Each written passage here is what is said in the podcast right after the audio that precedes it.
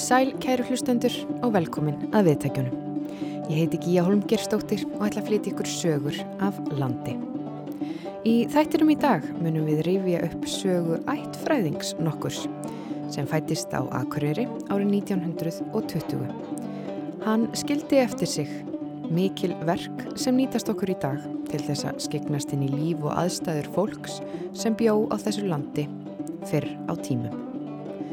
Þessi maður hétt Stefán Adalsteinsson og til þess að rifja upp æfi þessa merkilega ættfræðings þá förum við í heimsókn til Haugs Ágússonar fyrir um kennara við verkmyndaskólan á Akureyri.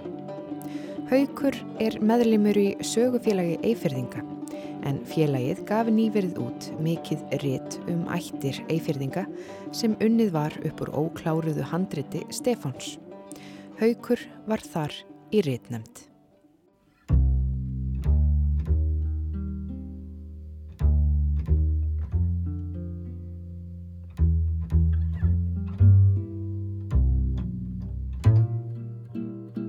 Já, ég skal nú viðkynna það reyndar að ég er ekkit stór flóður um Stefán sko. Ég hef eiginlega allt það sem ég veitum hann frá öðrum og uppi bókum en hins vegar þá hef ég mikið áhuga á því sko, sem hann gerði, sérstaklega það sem hann gerði sko og þá hér ég eiga fyrir því.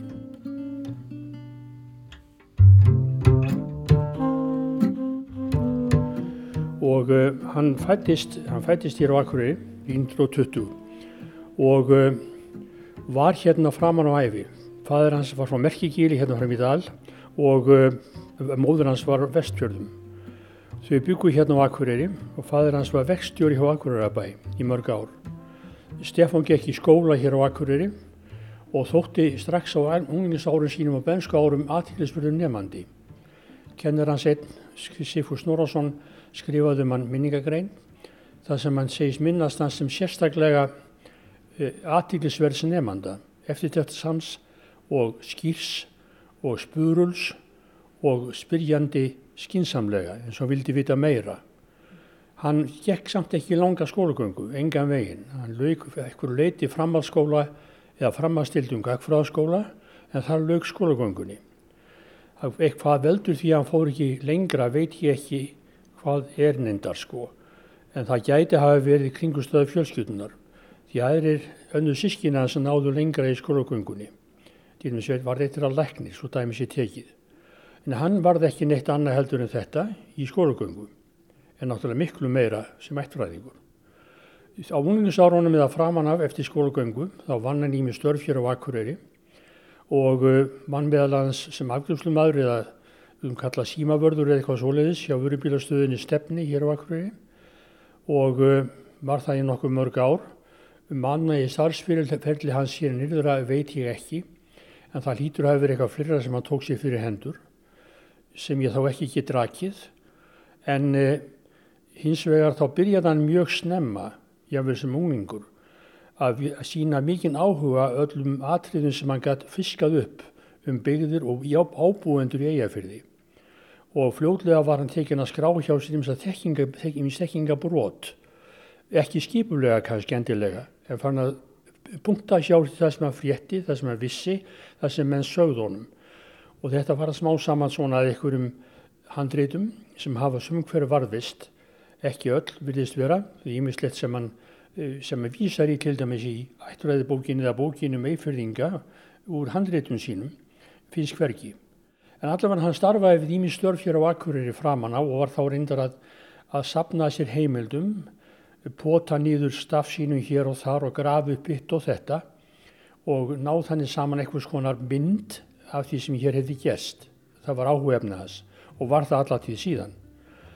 Síðan virðist hann hafa tekið að skrifa hjá sér svona nokkuð, nokkuð eh, reglubundið eða með eitthvað svona skipulagi það sem að varð síðan að eifyrðingum.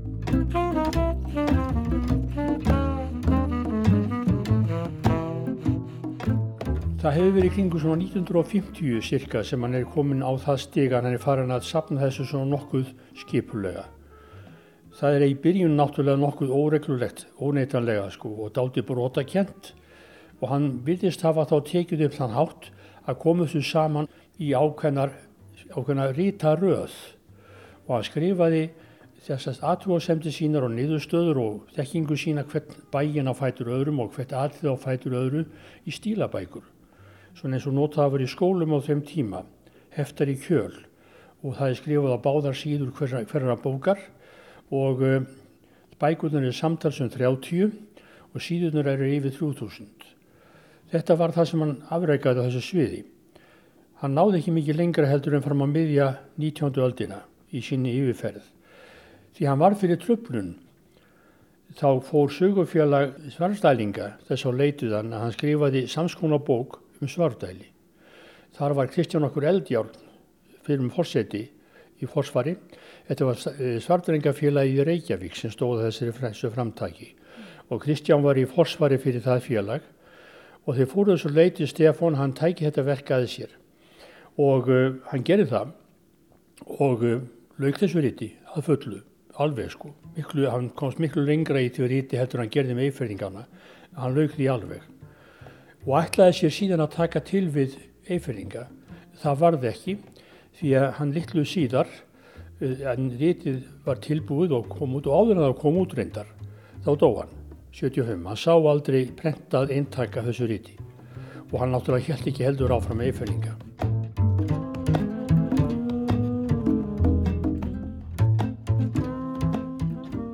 Árið 59 þá flutt hann hérna og fótt Reykjavíkur var þar starfsmöða hjá atvinnudild Háskólas, Háskóla Íslands á fiskiransóknadild og stundaði þar störf af, já, eftir því sem var, kemur fram í annari minningagrein, eftir aðastinn nokkur sem var yfirmaður hans þar, fiskifræðingur, að eh, hann hefði verið sellega natinn og góður starfsmöður, þar sem hann sati við smásjá og skoðaði smádýr, svo allavega kveikindi úr hafinu örverur ímiskonar eða þá smá dýra vörutægi sem voru fæða annara stærri tegunda.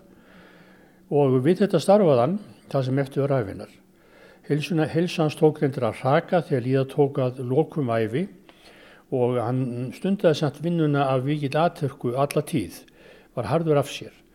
Enda náttúrulega ekki, ekki búið um nokkuð annað alla æfina heldur en þurfa að vera hardur af sér eins og menn af hans kynnslóð því með þurftu sannlega að standa sig á þessum tíma. Þá ekki, var ekki mikið um já, sjúkratryggingar eða svona allavegna ja, net sem gripu fólk eins og gerist í velfarakerfum samtímas svo hann var náttúrulega að gera sitt til þess að til þess að standa, standa sig í því að komast af. Hann bjóð einn í Reykjavík langmest af tíman frá þessu 59 þá var hann 38 ára gammal og framundir það að hann dó.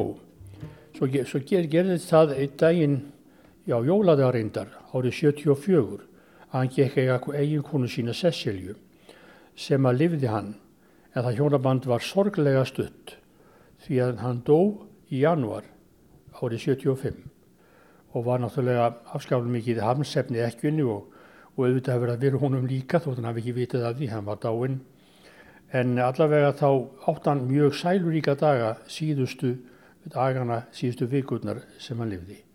Ekki svo að skiljan hafi verið sælulaus maður sko, ég hef ekki trú á því sko, því að menn sem hafa brennandi áhugefni eins og hann hljóta að finna miklu fyllingu í því áhugefni og það held ég hann að vöruglega gert í þessu áhugefni, þessari ættfræði, þessari sögufræði, sögufræði eigafjörða. Ættfræðingurinn Stefán Adalsteinsson ljast 13. januar 1975. Þá var hann 55 ára gamal. Ritið sem hann vann um ættir eifyrðinga lág óklárað í stílabókum sem enduðu svo ofan í brúnum kössum á héraskjálasafninu á Akureyri.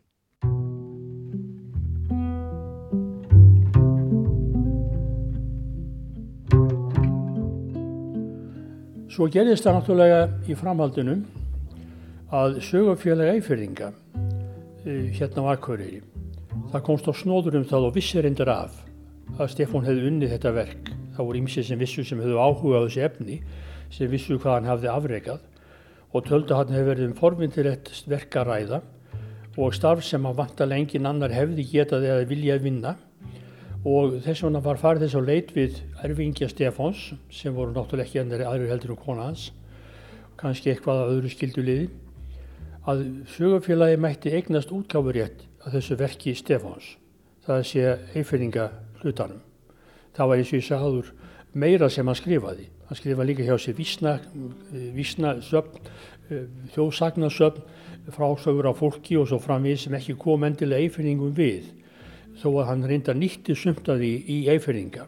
Hann notaði sko vísaði við í sín eigin handrit eða tók upp úr sínum einn handritum upp í sitt ritt til að fylla í svona sögur af fólki sem eitt af það sem einkennir þetta ritt hans.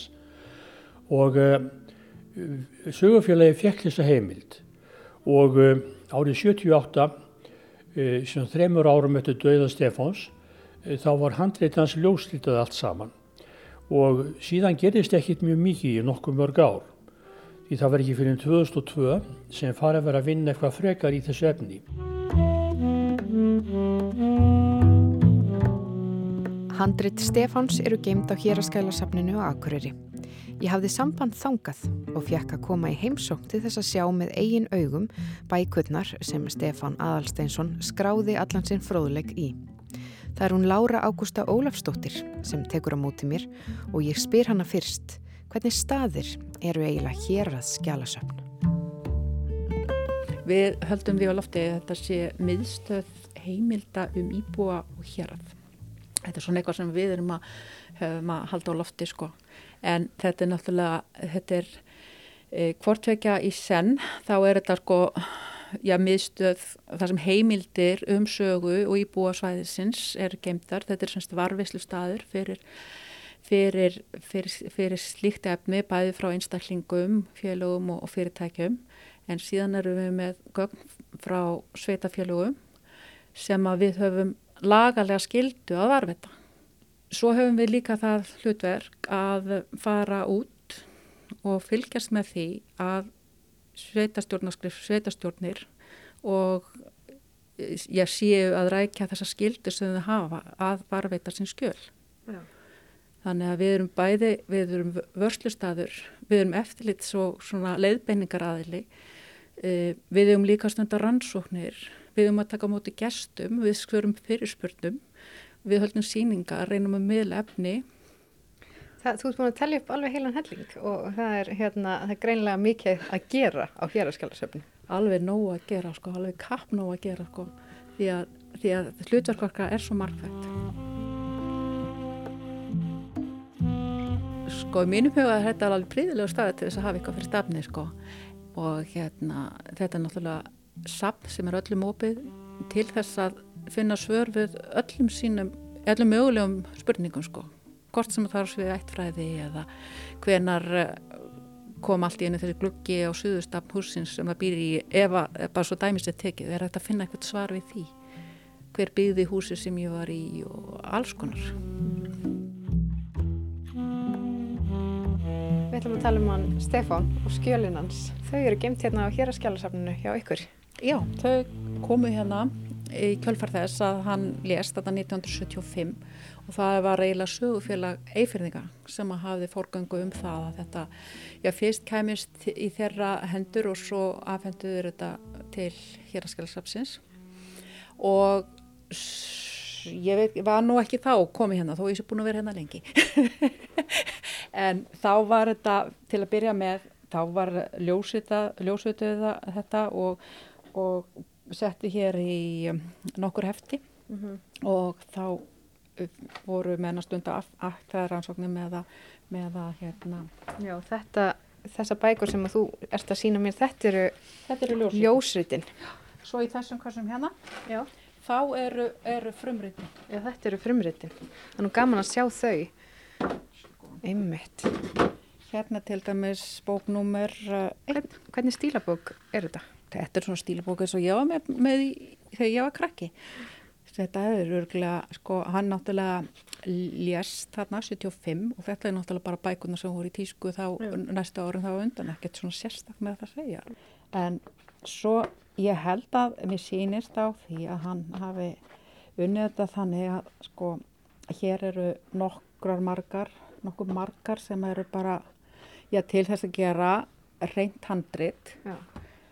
Og svo þegar maður fer hér lengra eftir því sem maður fer lengra í bunkan og opna nýja kassa þá kannski tekur öðruvísi við sko. Þá er það ekki þá er það bækur sem hann var átti kannski eftir að, eftir að hreinrita Já, já. eins og til dæmis þessi hér sko.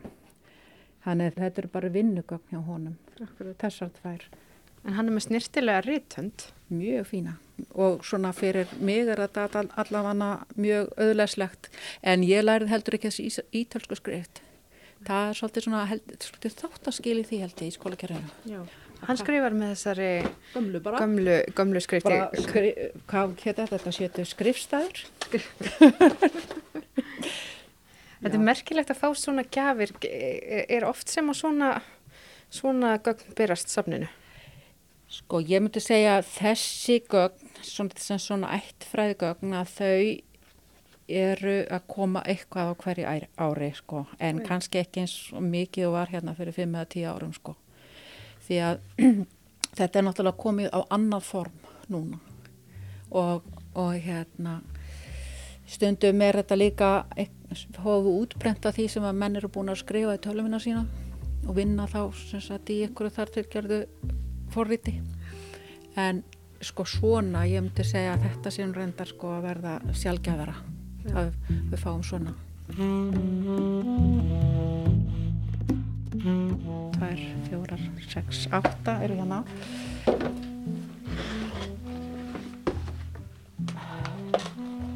Tíu, tólf fjórtán, sextán átján, nítján í þessum kassa allt svona stílabækur bara þessar hérna eru Ma, maður sér hann veginn fyrir sér með tösku og, og, og svona ferðum sveitirnar og þessar stílabækur. ég sé hann bara fyrir mér á þjóðskjálfsafni ég, ég held að taskana sé bara hún er það ekki? Já, nú veit ég ekki. Allir hún sé varveitekstar. ég hef ekki hugmynd um það ég bara er að, er að svona Ef þú ert að fabuleira eins og ég. já, Ég held að taskan hans sé brún. Leður, leður eitthvað skonar taska.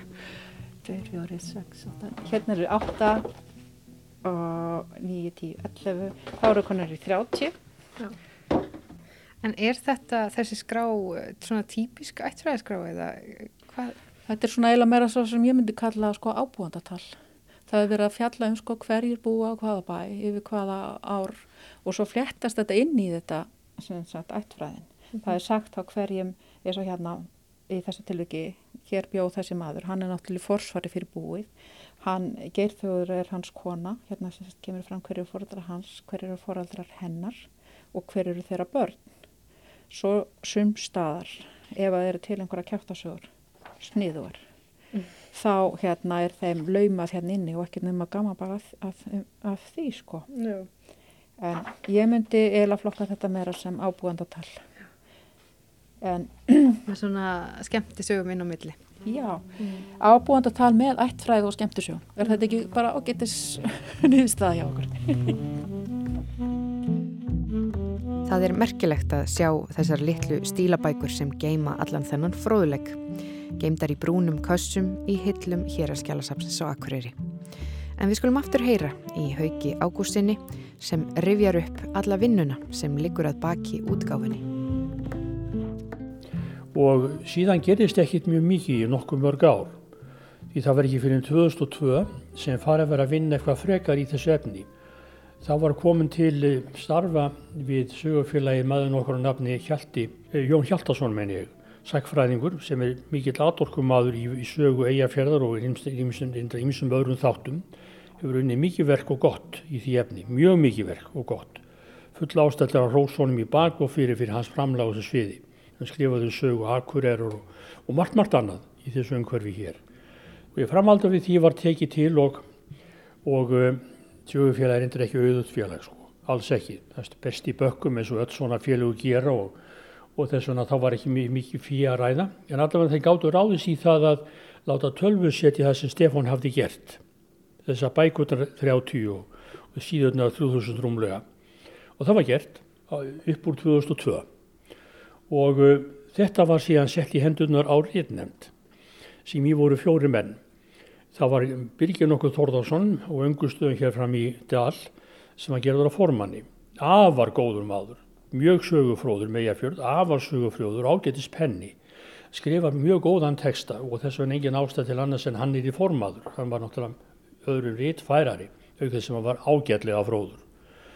Og uh, annar maður í nýðmyndinu var Kristján okkur Siffússon á Ídrahóli sem hérna líka fram í dal, utan í, í, í, í Sörbæðarreppi, Ungustæðarreppi minni, Ungustæðarreppi, eins og náttúrulega Ungustæður er líka.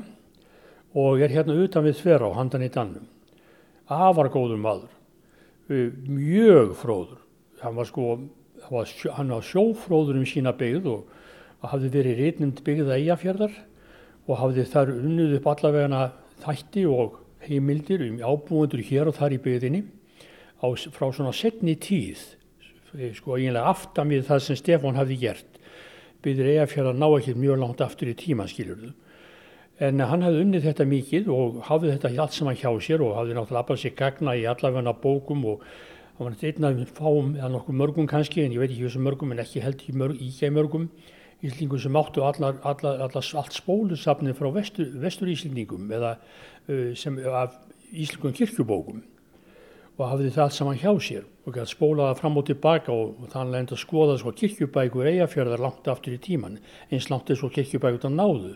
Eins og veist náttúrulega kirkjubækur voru engin sko endaleg gögn, reyndar endaleg gögn ef þau varðveitust en þau varðveitust ekki nærri allar, ekki nærri allar og fyrir tíðar kirkjubækur fordjörðust að ymsum ástæðum svo sem vegna raka, vegna leka, vegna bruna, vegna vanhyrðu og svo framvís. Svo það er ekki nærri allar kirkjubækurna til.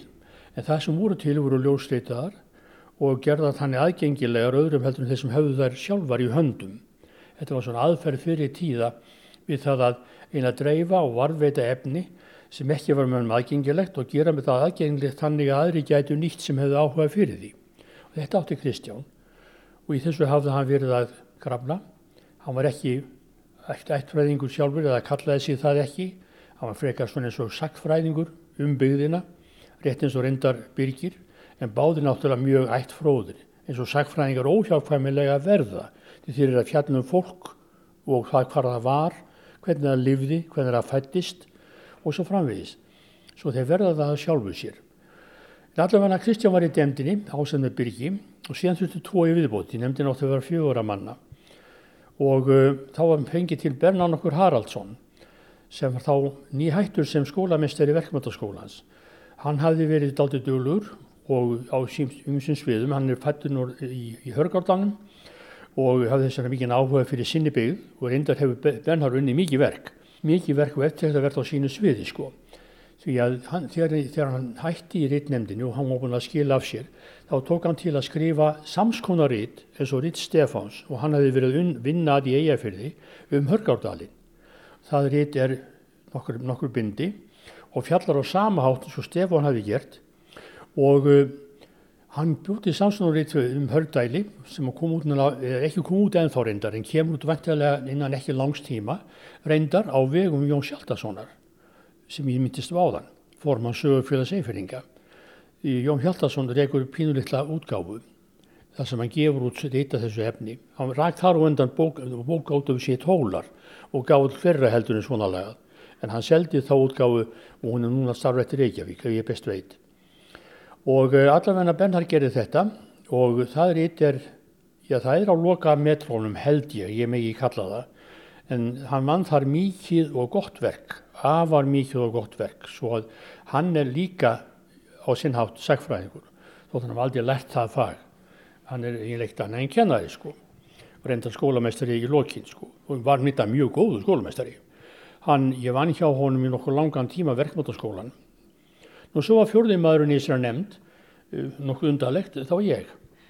Og uh, það hefur alltaf aldrei mér nokkuð mikið til förðu ég held að það sé bennharð að kenna því að um, Ég var reynda búin að vinna vera sko við verkmyndaskólan frá 89 var það sko í tíð, í tíð Bernhards og, uh, og hafði mikið dálægt á Bernhardi. Við verðum verulegi mátar svona þegar Líða tók að vera mína í, í uh, verkmyndaskólanum, verulegi mátar sko og ég mat Bernhards mjög mikils. Þess að hann var, hann var eins og ég sagði mjög góðu skólamestari. Hann hafði til að bera eiginleika yfirmanns sem eru eftirsóknarverðir. Það er að segja, hann tristimönnum það skipti verulegu máli. Og til dæmis þegar við settum upp fjarkynsun í verkefndaskólanum ég og Adam Óskarsson þá hafði hann ekki humundum hvað við vorum að gera. Hann taldi bara við vissum hvað við ætlum að gera. Og fyrir vikið þá tristur hann okkur til að gera það. Og þannig var hann. Þannig var hann, þannig var hann með alla kennarana að þegar hann bara hreinlega letu afskipt að lausa meðan runnu verksitt þannig ekki bárust til hans kvartanir. Og það gerist ekkert aldrei. Því að ef með vinna við svona kringustæður þá verður að sína að þeir séu trussins verði sjáðu. Og þann þetta hennan eiginleika hafði Bernhard. En allavega ég held að að hafa verið hans verk að ég fór í þessari nefnd, sko það er sem er dálítið mikið einkennilegt. Ég náttúrulega tók með pínlir um svona tíma sko en sagði svo já, ég vanur að gera þá vittlis að segja já og uh, þess vegna þvældist ég í þessari nefnd og uh, ég er náttúrulega ekki aðfræðingur, mun aldrei kalla mig það, ég er ekki sakfræðingur, mun aldrei kalla mig það Ég er ekki úr eigafyrði, ég get alls ekki kallað mig það. Ég er ættaður á Þingaðasíslu og, og Rangóðasíslu og Hólfstíp í Reykjavík. Svo ég hef engin tengslu eigafjörð en það settur í rítnöfnd. Rítsum eifyrðinga, það er nú pildið kjánalegt sko. og uh, mér fannst það alltaf tíð og finnst þetta finnst pildið óskiljanlegt. Einlega bara, einlega bara út úr korti í sannleika talað sko. En allavega þannig var rítnöfni sett, sett saman og tók til starfa, svona upp úr þessu hún var skipuð og uh, starfaði í nokkuð mörg ár við það að fara yfir rít Stefáns.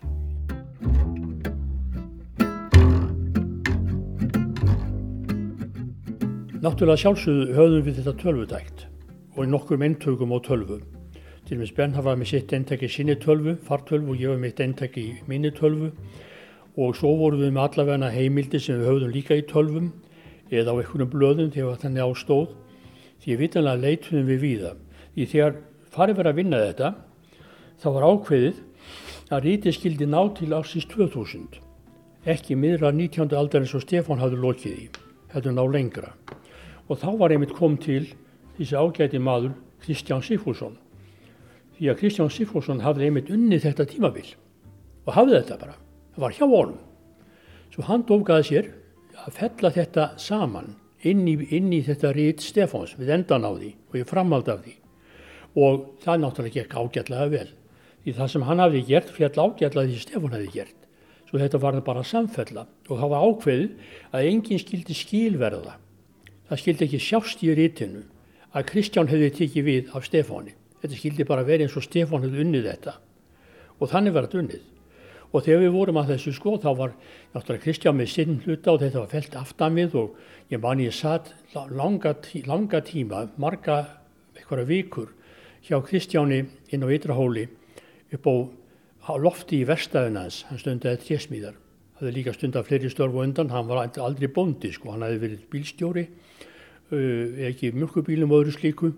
Og svo stundaði hann tjesmíðar og hafði verstaðishús í, í hlaðinu á Ytrahóli. Bróður hans bjóðar sem bóndi. Og uh, þannig upp á endan í öðru endanum í söður endanum og öðru hæð í vestæðin hann inn í þessi lilla íbúð langu stígi upp.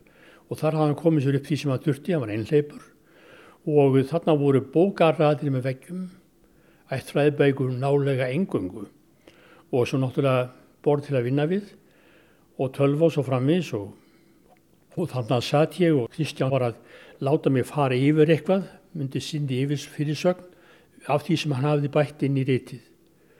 Og þannig var rítið lengt til 2000. Annað sem vantæði rítið og var einnkjendið að daldið sko, að því að Stefan byrjaði á þessum, þá byrjaði hann reyndar á stöttum lýsingum á bæjum sem hann kom við á.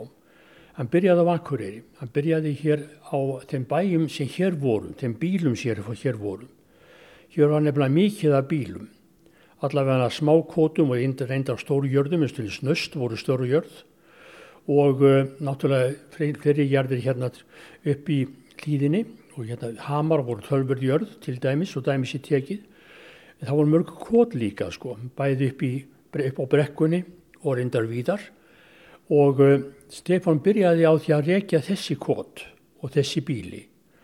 Og eh, sagði svona lítilega frá því hvernig þau væru en þetta var stutt og svona doldi ágripskent en sem hann fór fram, sem hann fór aftar, þar sem hann sati yfir handreitum og skjölum og öðru hverju, öðru, öðru slíku, á bókastöfnum í Reykjavík. Því hann gerði það með vinnu sinni hjá háskólanum, atvinnutildinni, þá satt hann alla frístundi sínar, einhleipur maðurinn, á söpnum í Reykjavík. Eins lengi og svo hann gat, eins lengi og þau voru opinn. Og uh, fletti fram og tilbaka í ymsum heimildum um eigafjörð. Og náttúrulega smá saman í yfirferðinni þá var þekkingin meiri því hann náttúrulega fletti fleiri skjölum, skoðaði fleiri bækur og var fróðari og þá lengdust lýsingarnar á bæjónum. Það sé að lýsingarnar ingangsorðin, formólarnir að hverjum bæ.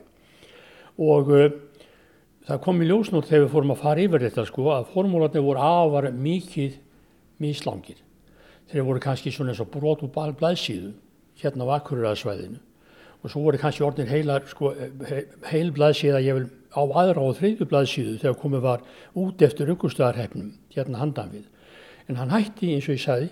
Hann komst ekki allar leið því þá fór hann að vinna svöldalingana svöldalingana trubluðan og, og þess vegna þá var ekki hann komst ekki alveg út af skilurðu. Hann var að hætta hérna framar í byðinni sko. Og um, í augustæðarefnum. Og þetta vildum við laga, reitnefndin. Við vildum að væri svona svipuð umfjöllun um alla þessa bæi, bæði hér á Akureyri og annar staðar í byggðin sem hafi verið stutt yfirleitum og eins og hafi verið undir lokinn. Og það tók Þórð, Birgir Þórðarsson að sér. Náttúrulega eins og sagði, reitfær maður, fróður um byggðina, átti líka gífulegt bókasapn um allavega ættfræði, byggðasögur, allavega fjáran sem það þessu laut, allavega þjóðsagnarsöfn og, og freita lýsingar og annað svoleið sem tilþurfti og, og hann setti saman lengri, náttúrulega byggð á Stefáni, lengri lýsingar á þeim bæjum sem höfðu haft stuttar lýsingar. Svo þetta reynd lítur fyrir, fyrir vikið út eins og heild það sem lýsingarna hafa sama svip alla leiðina bæði, bæði hér á Akureyri og annan, allan, all, allt allan vogan, allt uið inn eftir fyrðu og út eftir að austanverður.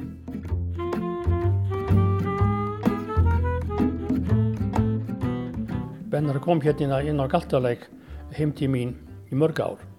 Við vorum fimm dagi hverju viku frá hluka nýju til hluka svona fiska 34 yfir þessu engungum og, uh, og sátum við tölvuna bara og, og unnum þetta. Og uh, og vorum þá að fara yfir og bæta í. Ekki mikið af þessi Birgir gerði því að Birgir þurfti eins í svið. Hann vissi þetta sjálfur og gæti þetta einn og, og við vorum að fara við það sem Stefán hafi gert öðrum heimildum. Og þá komum til ímsir ágætin menn sem veitt okkur aðstóð það er að segja í því að bæta í því að það vantaði í náttúrulega eitt og annað sko og sumt þurfti líka, líka að kanna hvort væri öruglega eins rétt og hægt væri að hafa það og þá var náttúrulega farið á fjörullum manna sem að hér á landi sko sem að sem að hefðu til að byrja þann fróðleik eða aðganga þeim fróðleik sem að þyrti til að gera þetta ríti eins gott eins og það gæti orðið. Við erum ekki haldaðið fram, sko, eða ég, að ríti sé gallalust. Það, svona rít verður aldrei gallalust, aldrei nokkuð tíman. Það hljóta að félast villur í svona ríti, óhjákvæmilega, hversu mikið sem er vandað sig. En við reyndum þó að gera eins og við gátum með aðstóku úr að manna, svo sem eins og Otts Helgarsson ættfræðins Reykjavík sem eins og vist er einn próðasti maður í mattfræði á landinu og reykur það svo kallar ættfræði setur sem reyndar Benhard Haraldsson nýtti sér stólega í hörgárvinnu sinni, hörgárdalavinnu sinni. Stólega var þarna sko næri, næri daglegu gestur eða tíður gestur getum við sagt. Hjá Ótti Helgarsson að fisku upp húnum fróðleik upp á tölvumanns eða húnum sjálfum. Því Óttur Helgarsson er ekki, ekki bara með tölfur, hann er líka með heila. Og heilin er furðulegur. Það sko heili mannsins er merkild verkværi skal ég segja þér. Hann er miklu betur en okkur sjálfa sko. Því að það sem hei, góður heili gáðasmanns getur geimt er með ólíkindum af fróðleik. Og hann getur í hennar fróðleik með förðulegum hætti á skipulega nátt á öskumum tíma miklu hraðar en nokkur tölva.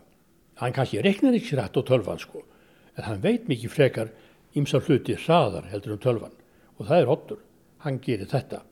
Nú annar maður sem veitt okkur mikla aðstóð var Hjaltin okkur Pálsson sem er sagnarítari skakfyrringa og hefur verið þar í miklu starfi undan fyrir mörg, mörg ár að gefa út allavega heimildaritt um skagafjörð og unni mikið og afar gott verk í því efni, afar gott verk sem er reyndar sko á landsvísu til fyrirmyndar í, á þessu sviði, alveg á landsvísu til fyrirmyndar. Því að skafferingar og öðru fólki miklu dugleri að halda við og halda á lofti sögu og getur kallaði heiðri byggðar sinnar. Þar hefur Pjalti Pálsson átt gífurlega stóran hlut, reyndar ásatt með mörgu öðru mjög góðu fólki, mjög góðu fólki sem hefur unnið samskonir að liðstað störf í skægafyrði á undan honum og svo með honum. Þar má nefna ymsað sem að væri full ástæð til að halda mjög á lofti fyrir þeirra verka á þessu sviði. Allavega þessi tver voru afskaplega drúir. Aukþens náttúrulega nýttum við flera sko, við áttum til dæmis haugju hotti í sambandi við vest, vesturísildinga hjá vestfyrringarsafninu á, á Hofsósi og, svo náttúrulega fyrir stöðum við náttúrulega leituðum í allavegna rít sem höfðu komið út og svo framvis og ekki síst til ágætra hvenna tveggja aðalbjörga Sigmarsdóttur og Láru Ágústu Ólafsdóttur Eh, skjálavarðar og héraskjálasafninu hér á Akureyri sem voru sannarlega góðar í sínu starfi og lögðu mikla hönd á plógin og eiga mikið róskili fyrir sitt framleg sem fengu aldrei eitt einast einn einustu krónu fyrir. Frekar en notur, frekar en hjaldi jável frekar en við. Því að vissulega var það þannig eins og ég sagði aðan sko að að sögufélagið var aldrei auðugt sérðum og hafði aldrei úr neinum, neinum fjársjóðum að auðsa, alls ekki sko.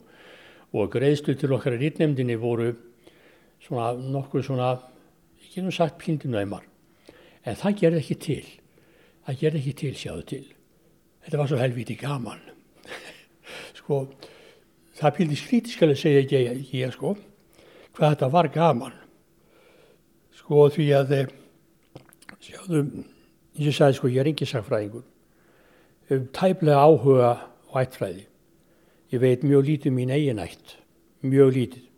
Ég veit hverju eru afa mínur og ömmur en eftir það eða framan við það er ég næstu því alveg á gati sko en allavega ég hafði mjög gaman að þessu því að e, þetta opnaði augum mín fyrir ímsu sem reyndar ég hafði haft svona vitundum og verið kannski eitthvað hugsun þar á undan yfir auguminn fyrir því hvernig fólk livði í þessu landi sjáðu. Því að Ritt Stefáns er ekki bara upptalning af nöfnum, ártölum og bæjarheitum. Það er sögur á fólki. Hann gerir það í rítinu sem er sko mjög sérstækt og gerir það afskaplega lestraræft. Ég skal viðkjöna það, ég nenni yfirleitt ekki að fletta eflaðubókum. Það er ekkert í þennum mannanum, ártöl og bæjarheiti og ég nenni því ekki. Því ég myndi ég þarf ekki þá sem fróðleika halda fyrst mér. Líka vekur hann mér mjög takmarkaðan áhuga. En Rít Stefáns er fullt af sögum af fólki. Það sagt frá því hvernig það hafði það, hvert það fór, við hvað það bjó, hvar það bjó og svo framvegis. Hvað, í, í hverju það lendu um æfina. Fyrir vikið þá er Rítið læsilegt. Það er sko, það er sögusapn, ekki bara mannarnafnasapn, ekki bara ártalasapn, ekki bara bæjarheitasapn Þetta er sögusafn. Þessin er rítið hreinlega skemmtilestur, meiri sér fyrir mig, sem er náttúrulega sjálfsögðin sem ég sagði, ætti ekki að vága á þessu. En allavega, ég hefði gaman að þessu, verulega gaman að þessu. Miklu meira gaman að þessu heldur ég hefði nokkur að hugmyndum ekki myndu nokkur tíman hafa, því þetta er mjög skemmtilegt rít á sína vísu, mjög skemmtilegt rít og mjög gott að það skulle loksins vera komið út hvað það gerði á síðast ári.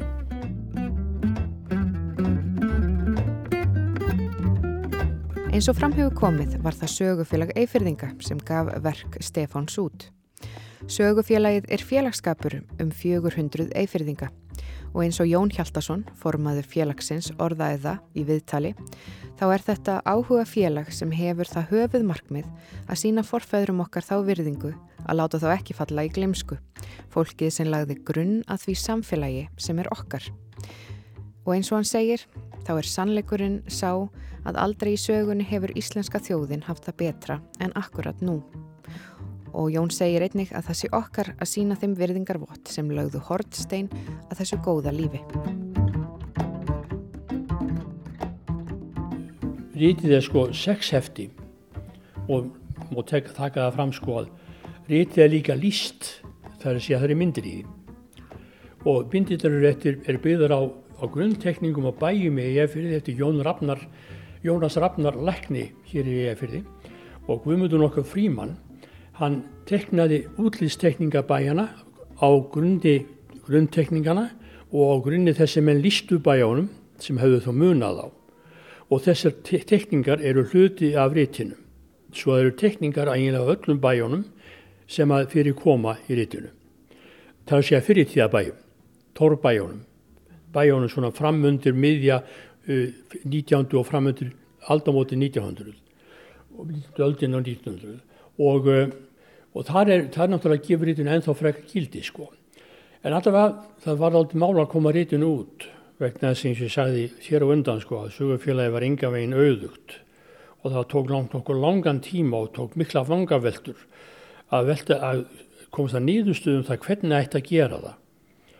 Ég lagði mjög miklu áherslu að persónulega því ég var náttúrulega satt þess að fundi sugufélagsins um þetta rít að ég var nú einu sín sugunemdini eða rítnemdini sko sem hefði ekki ótt að vera en allavega þá hérna þá ég miklu áherslu að það kæm út á prenti ekki bara á, í, á vefnum til dæmis eins og kom fram sem hugmynd sko að gefa ríti bara út á vefnum.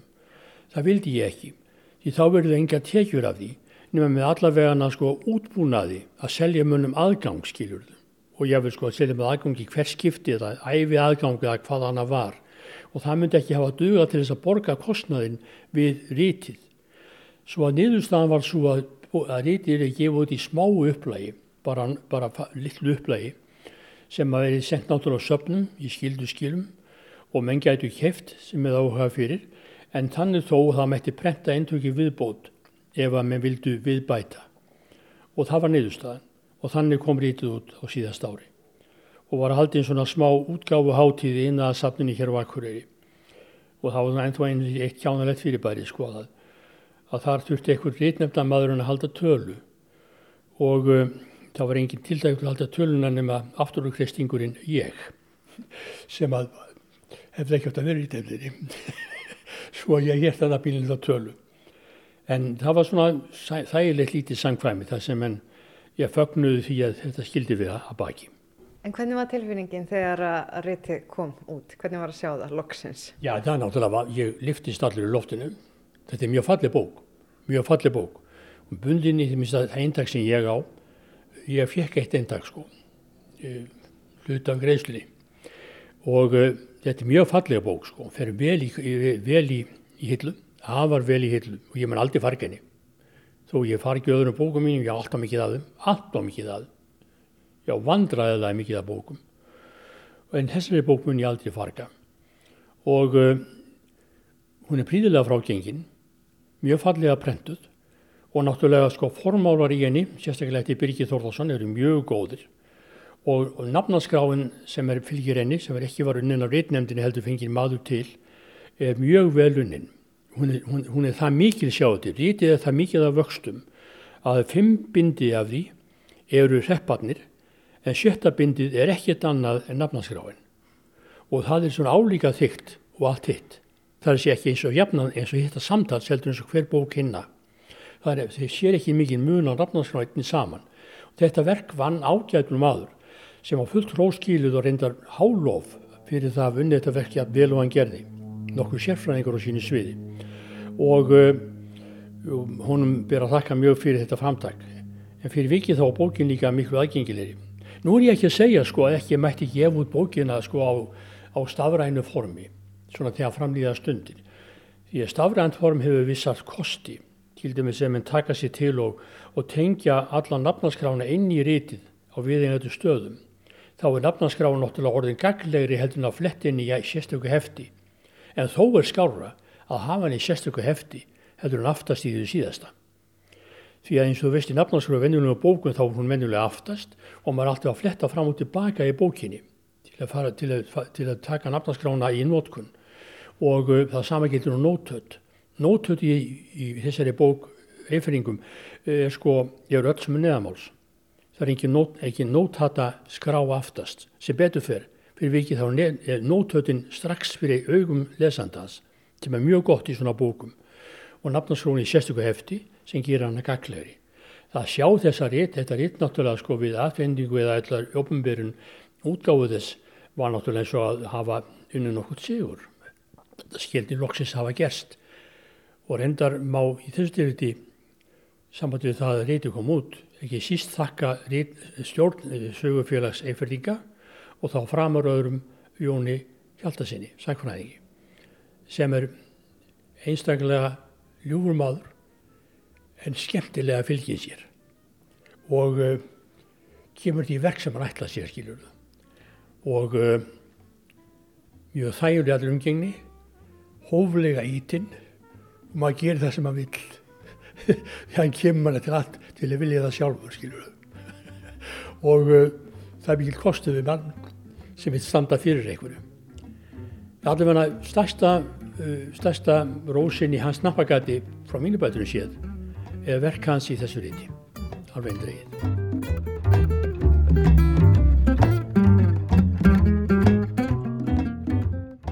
Og þetta er svona í grófum dráttum svo frásæði sem ég get sagt þér að þessu, þessu efni. Því að raunverulega það sem ég veit um Stefáni, það sem ég þegar sagt og það er ekki næri nógum, einhver ætti að rýta æfisuða sem hans, í raun og sannleika. Hann reyndi að skrifaði æfisuðu sína. Hún er til í handreiti á, í skjálasafninu hér á Akureyri. Það var enginn farið í það að vinna hana en, en, en sko hún ætti að koma út. Því sjáu til, Stefan er einn af þessum ólofsungnu fræðumönu þessa lands sem mætti lofsingja miklu meira, má nefna miklu fyrir í sama flokki sem hann var svona mikið frekar en nokkuð annað þagaði í hel undan farn áratígi. Þetta voru menniti sem ekki höfðu lært neitt en höfðu brennandi áhuga voru hérna flugáaði bæði karlar og konur og höfðu þekk, þekkingu til að byrja sem það festu suma hverja álað og verðu þannig til heimildir um sögu þjóðurinnar sem ekki væri til ella. Þetta er alþýðu fólk, gætnan alþýðu fólk sem barðist til að gera þetta oft á tíðið mjög báar kringustæður.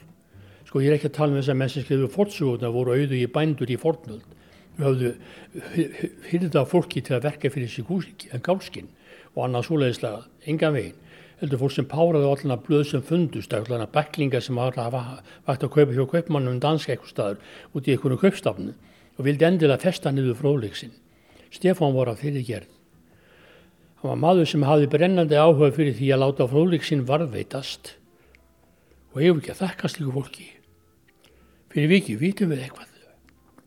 Og þetta er þetta er aldrei sér íslensk hefð skiljurðu samskonra hefð er lítið fyrir höndum í öðrum löndum af einhver undarleiri ástæðu hafa Íslandingar haft meiri áhuga fyrir sögu sinni heldur um margir aðrir og haft líka meiri áhuga fyrir að festana bæði sér í minni og á blað og einn af þessum mönnum eins og ég sagði það er Stefán Aðastesson og æfur svo þess að manns ætti að skrifa Indreið Takk fyrir að segja okkur þessa sögu, Haugur Ágússon. Takk fyrir það. Það er gaman að hitta þig. Þarna rifjaði Haugur Ágússon upp æfi ættfræðingsins Stefán Adalsteinssonar og alla þá vinnu sem fór í það að gefa út verkið Eifyrðingar, Framanglerar og Varðgjár, jarða og ábúandatal frá eldstu heimildum til ársloka 2000 sem gefið var út af sögufélagi Eifyrðinga. Og þar með er komið að lokum í sögum á landi í dag. Tæknimaður í þessum þætti var Gísli Kjaran Kristjánsson. Við þökkum þeim sem hlýtu. Lifið heil!